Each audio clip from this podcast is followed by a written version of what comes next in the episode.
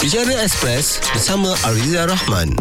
Assalamualaikum, salam sejahtera EFM.live for entrepreneurs by entrepreneurs. Okey, kali ini kita bertua uh, sebab kita ada tetamu yang didat, uh, datang ke studio EFM pada hari ini. Saya nak ucapkan selamat datang dan terima kasih kepada Yang Berhormat Datuk Dr. Mansur bin Haji Osman, Timbalan Menteri Pengajian Tinggi ke studio EFM untuk bicara Express edisi khas. Apa khabar Datuk? Alhamdulillah khabar baik. Terima kasih saya kepada Radio EFM. Sama-sama Datuk. Okey Datuk.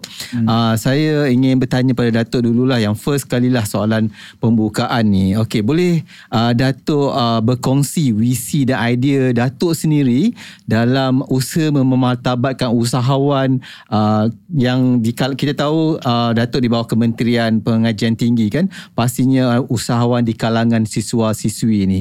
Boleh Datuk kongsikan?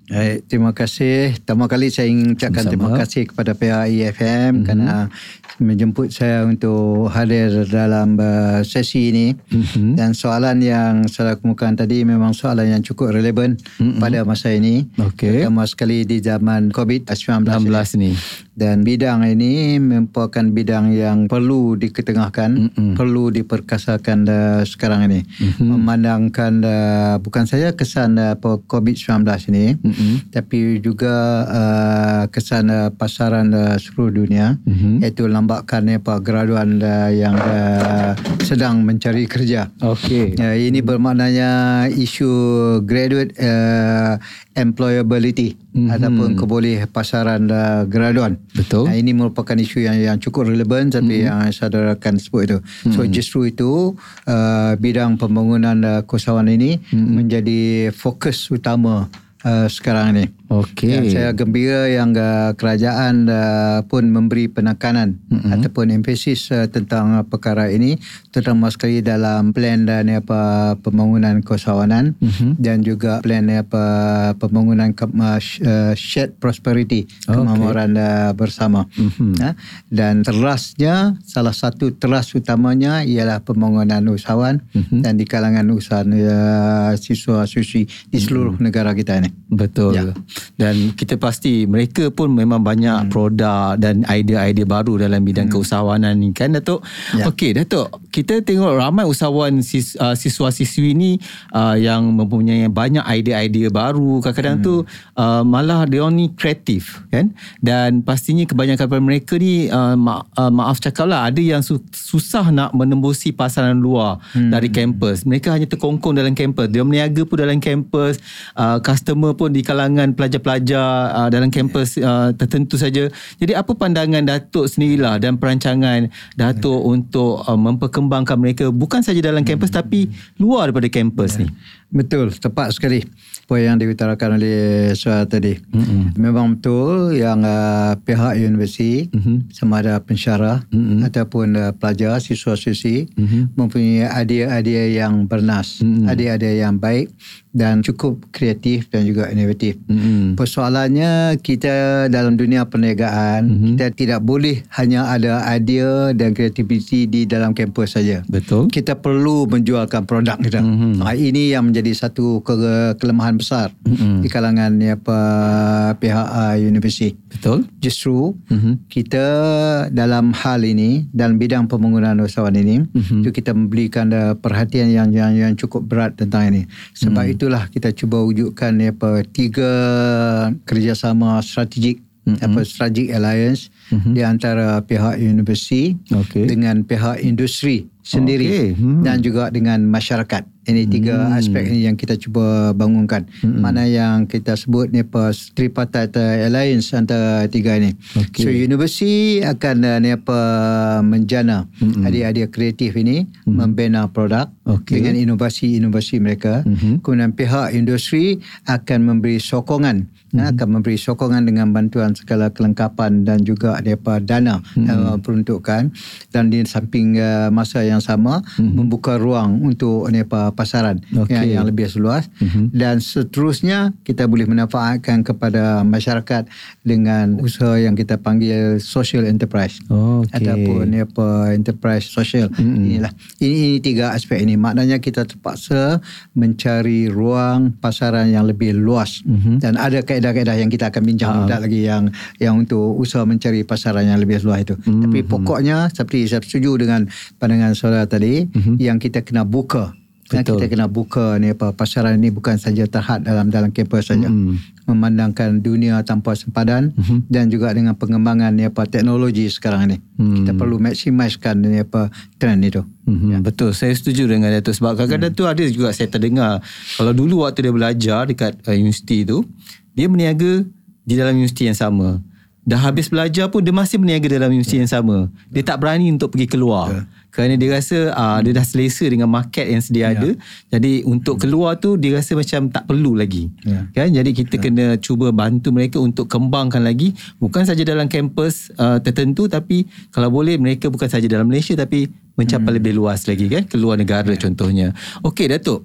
Um, pandemik COVID-19 baru-baru ni kan dan masih lagi tak ada lagi uh, vaksinnya. Dan perintah kawalan pergerakan pun uh, yang sekarang ni PKPP uh, dan uh, banyak mengubah keseluruhan dunia termasuk Malaysia lah dan kesan pada pandemik ni mengakibatkan ramai usahawan termasuk usahawan siswa-siswi ni hmm. pun terkesan juga dan sebagai uh, timbalan menteri di Kementerian Pengajian Tinggi ni apa cadangan dan usaha KPT hmm. sendirilah untuk memastikan usahawan siswa-siswi ni akan terus uh, orang kata terus bersemangat tidak kecundang akibat daripada pandemik COVID ni. Ya. Ya, pandemik COVID-19 ini memang terkesan pada seluruh dunia. Mm-mm. Jadi Malaysia tidak terkecuali. Betul. Seluruh rakyat Malaysia terkesan dengan ya, apa, COVID-19 ini. Mm-mm. Dan ini termasuk juga pelajar-pelajar kita. Betul. Siswa-siswi kita sama ada di IPTA uh, dan juga IPTS. Dan uh, keseluruhannya kita jangka lebih 300 ribu graduan Wow. akan terkesan dalam uh, dalam uh, pasaran Betul. uh, uh, COVID ini. Mm. Justru kita perlu siap sediakan Mm. apa masalah kesan daripada COVID-19 ini. Mm-mm. Dalam usaha tangani COVID ini kita negara kita keseluruhannya berjaya Mm-hmm. boleh dikatakan berjaya kita dalam dunia ini menemui negara yang keempat yang yang, yang Betul. cukup berjaya Mm-hmm. untuk tangani isu COVID ini termasuklah di Universiti uh, Sindri. Jadi Mm-hmm. kita cukup uh, ni apa saya cukup terima kasih pihak pengurusan universiti Mm-hmm. pihak semua yang terlibat dalam usaha tangani ni apa COVID ini Mm-hmm. seperti pihak keselamatan, polis, angkatan tentera, Frontliners ni lah. KKM, kita punya frontliners ah Betul. dan jabatan bomba so, ke semua ke semua ni apa jabatan-jabatan yang terlibat ni. I think kita melaksanakan satu tugas yang cukup baik nah, yang cukup berkesan. Balik balik pada yang uh, kesan pada student, kita Student, ni, betul. pada pelajar-pelajar kita ni. Walaupun kesan itu ada tapi dalam masa yang sama ada hikmahnya juga COVID-19 ini. Maknanya dengan adanya COVID-19 uh, ini mengajar kita untuk menjadi lebih inovatif dan kreatif. Mhm. So dalam hal ni apa keusahawanan ini Okey. satu ruang terbuka luas pada kita Mhm. iaitu untuk berniaga secara ni apa online Betul. dan juga e-dagang. Mm-mm. Jadi maknanya kita sekarang ni membuka ruang yang lebih besar kepada usahawan-usahawan kita dan termasuk usahawan-usahawan apa siswa susi mm-hmm. walaupun walaupun kita tak dapat napikan yang apa captured market mm-hmm. atau market dalam kampus itu memang cukup besar mm-hmm. you know? cukup besar mm-hmm. we are talking about satu-satu kampus itu berpuluh ribu betul you know? 20 ribu tapi dalam dengan teknologi yang baru mm-hmm. dengan eh, pengalaman yang baru mm-hmm. dengan inovatif yang baru melalui e, e-dompet e-dagang ya mm-hmm. online ini maka pasaran itu lebih luas dan lebih terkesan mm-hmm. dan lebih terkesan sebab ada di antara produk-produk mm-hmm. yang uh, mudah dijual atas talian betul ya, dan uh, boleh dihubungi lebih ramai orang lagi mm-hmm. jadi maknanya pasaran sekarang ini tak terhad dalam kampus mm-hmm. seperti yang saudara sebutkan tadi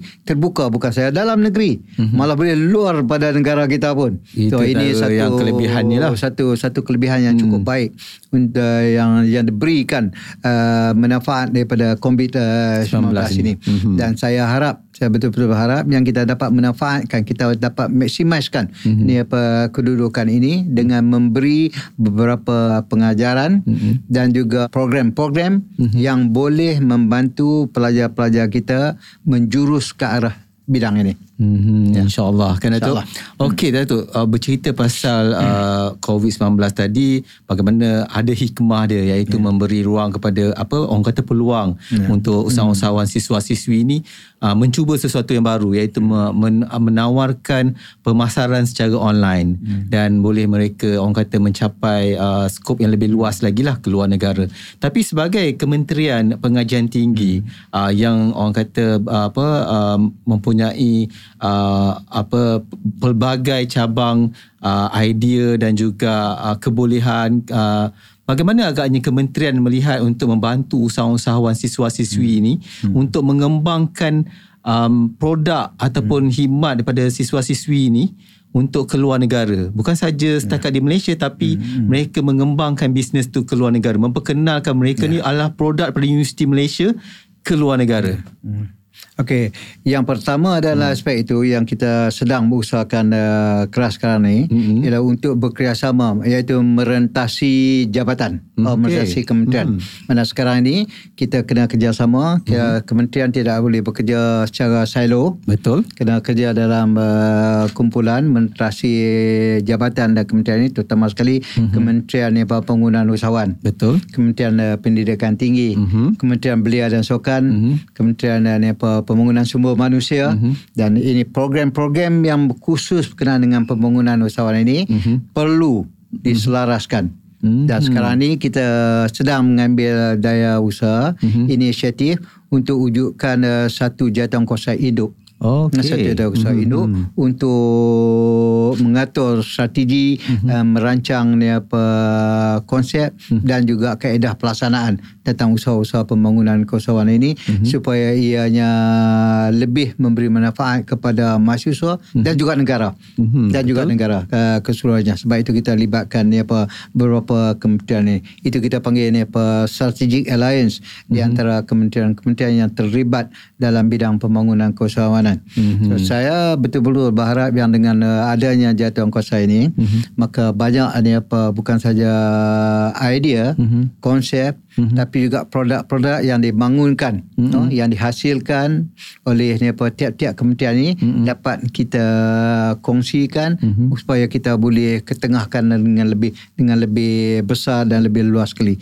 terutama sekali daripada KPT lah. Oh, daripada Kementerian okay, betul. Pendidikan Tinggi Mhm. sebab universiti boleh menjanakan beberapa program inovasi Betul. bekerjasama dengan ni apa dengan industri Mhm. dan industri ini kadang-kadang di bawah ni apa kementerian-kementerian yang lain Mhm. terutama sekali umpamanya seperti yang saya sebut tadi kalau kita nak sampai nak reach out Mhm. nak keluar kepada negara luar dalam Malaysia bukan kita perlu mendapat ni apa kerjasama bimbingan dan nasihat daripada kementerian luar negeri kementerian Pe- perdagangan antarabangsa Ya betul. umpamanya. Hmm. So inilah yang perlunya ada satu sinergi, Mhm. satu kerjasama yang merentasi berbagai kementerian dalam negara ini. Dan Mhm. ini belum ini belum diberi perhatian yang yang Ya, betul. uh, Mhm. yang elok lagi. Hmm, So, masih- ni saya harap kita boleh perkasakan yang ini. So jadi uh, pengurusi kepada komiti ni dah ditentukan atau belum lagi? Sudah ditentukan. Oh, So okey. maknanya ianya nanti ada beberapa kementerian maka Mhm. pihak ni apa di peringkat jawatankuasa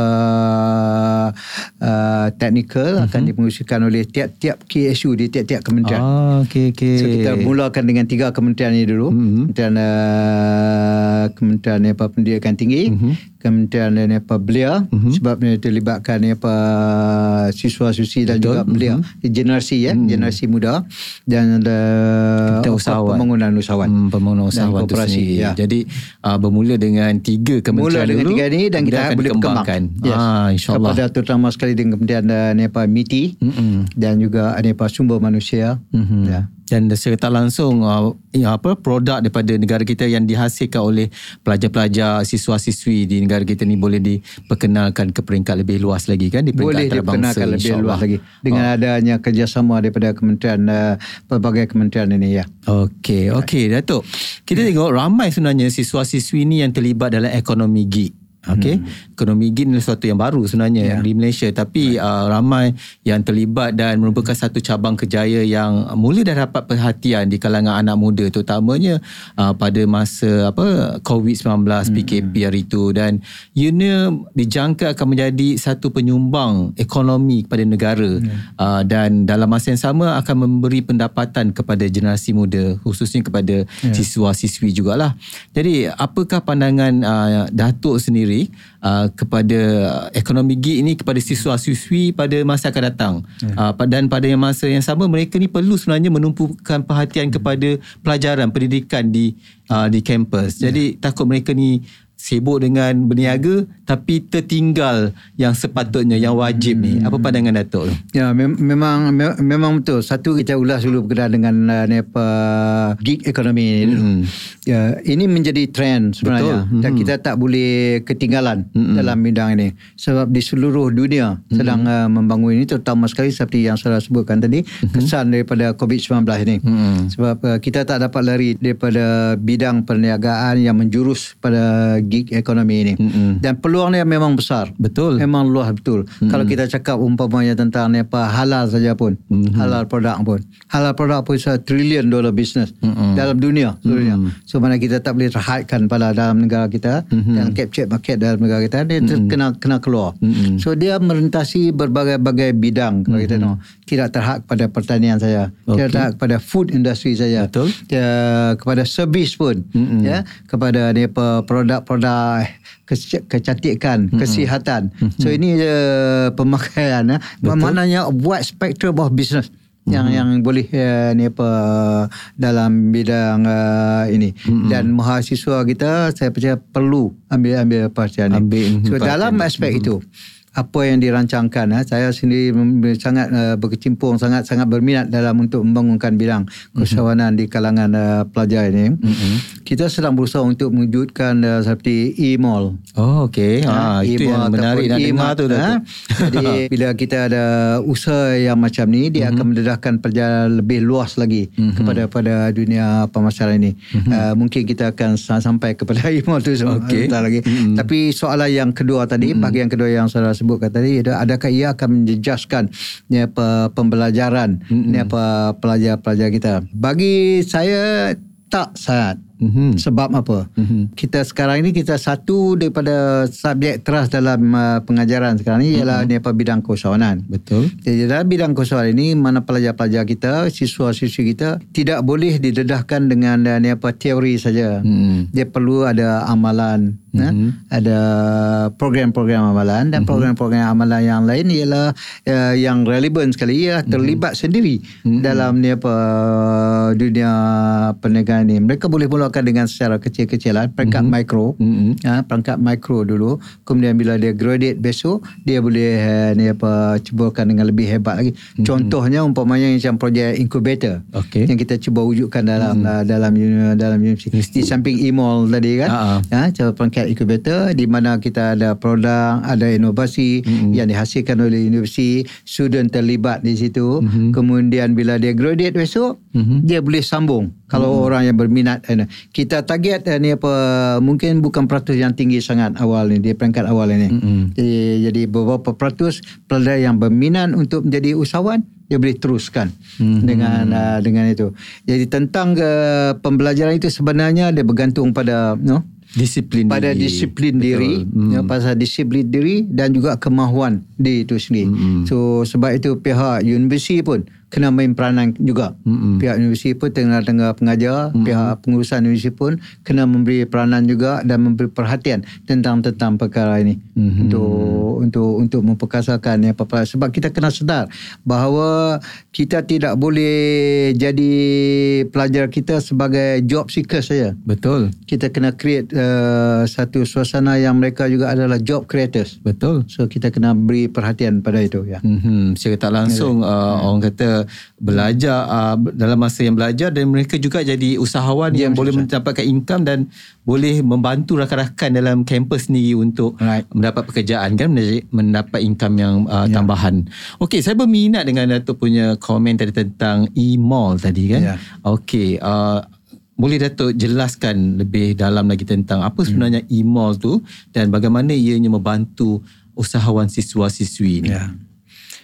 Saya uh, betul berhasrat nak memperkasakan apa mikrokredit mm-hmm. di kalangan siswa-siswi universiti. Okey. Mhm. So kita ada beberapa agensi mikrokredit dalam negara kita. Betul. Seperti Tekun, mm-hmm. Amanah Gitia Mhm. dan juga jabatan-jabatan yang lain. Mm-mm. Uh, macam di Selangor macam Hijrah Selangor Mhm. ya ada program-program yang mikrokredit yang membantu Mhm. usahawan-usahawan kecil Mm-mm. so kalau kita dapat aplikasikan ya, apa program ini kepada siswa Mhm. sekurang-kurangnya siswa dah ada satu database yang yang yang yang yang besar. Betul. dan memang database siswa-siswi ini memang besar pun Betul. we are talking about 100,000 no Betul, usahawan kan? Nepa hmm. nepa siswa dalam dalam dalam institusi pengajian tinggi kita Mm-mm. sama ada di UA ataupun di IPTS. Mm-mm. Ini dia termasuklah politeknik dan juga nepa college-college community. Community. So besar. Database dia cukup besar. Mhm. So kalau program ini kita dapat laksanakan insya-Allah ya kita sedang berunding dengan agensi-agensi tertentu Mhm. untuk kita laksanakan program ini. Dan untuk memperkukuhkan Hmm. dia untuk memperkukuhkan ni apa amalan ni apa microcredit ni Mhm. sekiranya kita ada wujudkan ni apa konsep e-mall tadi Mhm. ataupun e-mart Mhm. dan juga e-dagang ini Okey. maka mahasiswa akan ada dua pilihan yang cukup relevan pada mereka. Okey. Satu yang face to face perniagaan secara konvensional. Alright. Eh, secara konvensional. Mhm. Dan satu lagi kita nak budayakan dia untuk oh, ni apa e-dagang ini. E-dagang lah. Dan ini kalau kita perlukan satu tempat macam konsep e-mall tadi ini, Mhm. maka semua produk, semua aktiviti perniagaan ini dapat kita letakkan di bawah satu bumbung dalam kampus. Mhm. Bila mereka dapat berinteraksi, bekerjasama, bertukar-tukar fikiran dalam ini akan membina lebih satu keyakinan mereka Mhm. ya keyakinan mereka untuk terlibat dalam bidang ini Mhm. dan yang keduanya jaringan Yes. mana dia boleh kongsi pandangan kongsi pendapat Mhm. kongsi pengalaman eh, apa produk-produk mereka sendiri itu untuk Betul. bertukar-tukar uh, ini Mhm. uh, itu kelebihan yang besar lah pada e-mall dan Mhm. saya harap uh, kita tak perlu wujud tiap-tiap kampus e-mall pun Mhm. mungkin dalam uh, negara kita ini kita pilih yang apa tempat yang kondusif beberapa mm-hmm. universiti yang yang kondusif macam tu mm-hmm. mana tempat uh, universiti lain pun boleh kongsi uh, konsep itu Okey. ya? itu yang kita cadang nak wujudkan ya. Alright, itu sebenarnya uh, dapat membantu usahawan-usahawan uh, siswa-siswi ni orang kata mereka ada dua pilihan Dia secara konvensional dan Yes. juga secara online. Right. Ah secara digital. Jadi uh, itu boleh menjadi satu platform yang besar untuk mereka kan. Sebab Yes. berniaga ni bukan saja hanya kita kena fikir dalam kampus saja tapi kita sebenarnya Kena fikir luar. Fikir keluar, lebih luas lagi. Okey dan soalan terakhir saya uh, kepada Datuk harapan uh, harapan dan nasihat Datuk sendiri kepada usahawan siswa-siswi ni agar mereka sebenarnya perlu sebenarnya bersaing uh, dan dapat bersaing bersiap siaga sebelum keluar hmm, uh, ke alam nyata kan uh, orang kata hmm. ialah tempoh belajar mungkin antara 3 hingga 5 tahun dia berniaga dalam Ya. kampus tapi dia kena ada preparation untuk dia keluar daripada Ya. kampus Hmm. dan ada siap siaga macam mana dia nak menghadapi uh, apa ni Hmm. uh, dunia perniagaan yang sebenar di luar kampus nanti Hmm. apa nasihat Datuk Ya. Betul, betul, betul. sekali. Sebab itu kita nak mulakan dengan kampus. Mm-hmm. Pertama sekali nak membudayakan. Mm-mm. So we have to culturize Mm-mm. eh, apa pelajar kita, student kita tentang bidang eh, apa keusahawanan ini. So culturalization of the university uh, student ini melalui beberapa program lah. Tapi yang sekarang ini dilaksanakan oleh beberapa kementerian. Itu yang saya sebut di peringkat awal tadi yang kita perlu ni apa sinergi kerjasama di antara berbagai kementerian ini. Pertama sekali dalam bentuk latihan dan pembangunan modul-modul latihan. Modul, ini betul. untuk untuk membudayakan itu dulu Mhm. untuk membudayakan ni apa supaya persediaan mental itu kuat Mhm. di kalangan uh, dia dia Anak ready muda ni kan? ha, dia ready dia tahu the soft skill Mhm. soft skill umpamanya contoh macam uh, time management Mhm. disiplin diri Betul. lepas tu nak bina kerjasama Mhm. ya uh, bagi ada Pengurusan bagi ada itu masa. pembudayaan Ah, itu. betul. Kemudian dalam masa yang sama juga nak bagi kesedaran pada masyarakat umum Mm-mm. uh, tentang uh, perkara itu. Itu itu yang yang yang nombor satu. Mm-mm. Dan yang keduanya apabila dia dah ada uh, dia pe- pembudayaan yang kuat asas yang kuat itu Mm-hmm. dan kita nak bina dia jaringan. Betul. So, kita tahu dalam dunia perniagaan ini jaringan usaha Betul. jaringan dan kerjasama. Mhm. Mm-hmm. Mana itu yang kita cakap value chain eh. Mhm. ya, yang jaringan eh, ni apa kalau kita ambil dalam bidang transportation pun Mhm. cukup usaha ni apa Kena ada jaringan ni. tu, betul. Ya, the business chain network kan. Mhm. Ya, cukup usaha. Begitu juga dengan yang food pun Mhm. dalam uh, Makanan. makanan. Mhm. So kita tak kena cakap tentang transportation, tentang production food, Hmm. mm-hmm. kemudian tentang pemasaran mm-hmm. dan so bila dia dalam uh, selepas dapat pembudayaan, pembudayaan itu, dia terlibat sini dalam dunia perniagaan, mm-hmm. dia bina dia jaringan ini. Mhm. Mm-hmm. Jaringan kerjasama ini. Sebab terutama sekali kalau dengan ni apa e-dagang tadi, Mhm. mm-hmm. so dia dah tahu dia kat mana klien dia, mm-hmm. kat mana ni apa support dia yang lebih kuat, Mhm, ha? di, betul. di mata nah, so itu itu yang kita nak bina mm-hmm. dalam uh, dalam dua tu. So harapan kita nasihat kita itu itu dia tadi tu mm-hmm. mana betul-betul pembudayaan disiplin dari segi itu. Mm-hmm. Kemudian pembinaan ni apa macam tu mm-hmm. kena betul-betul tanam jiwa kerjasama dan competitiveness Mhm. yang you sebut tadi yang saudara sebut tadi. Betul. Maknanya kalau kita dah bina dia tu mm-hmm. dia ada tempat macam kalau kita ada ilmu dia dia ada semangat berlumba ni. Mm-mm.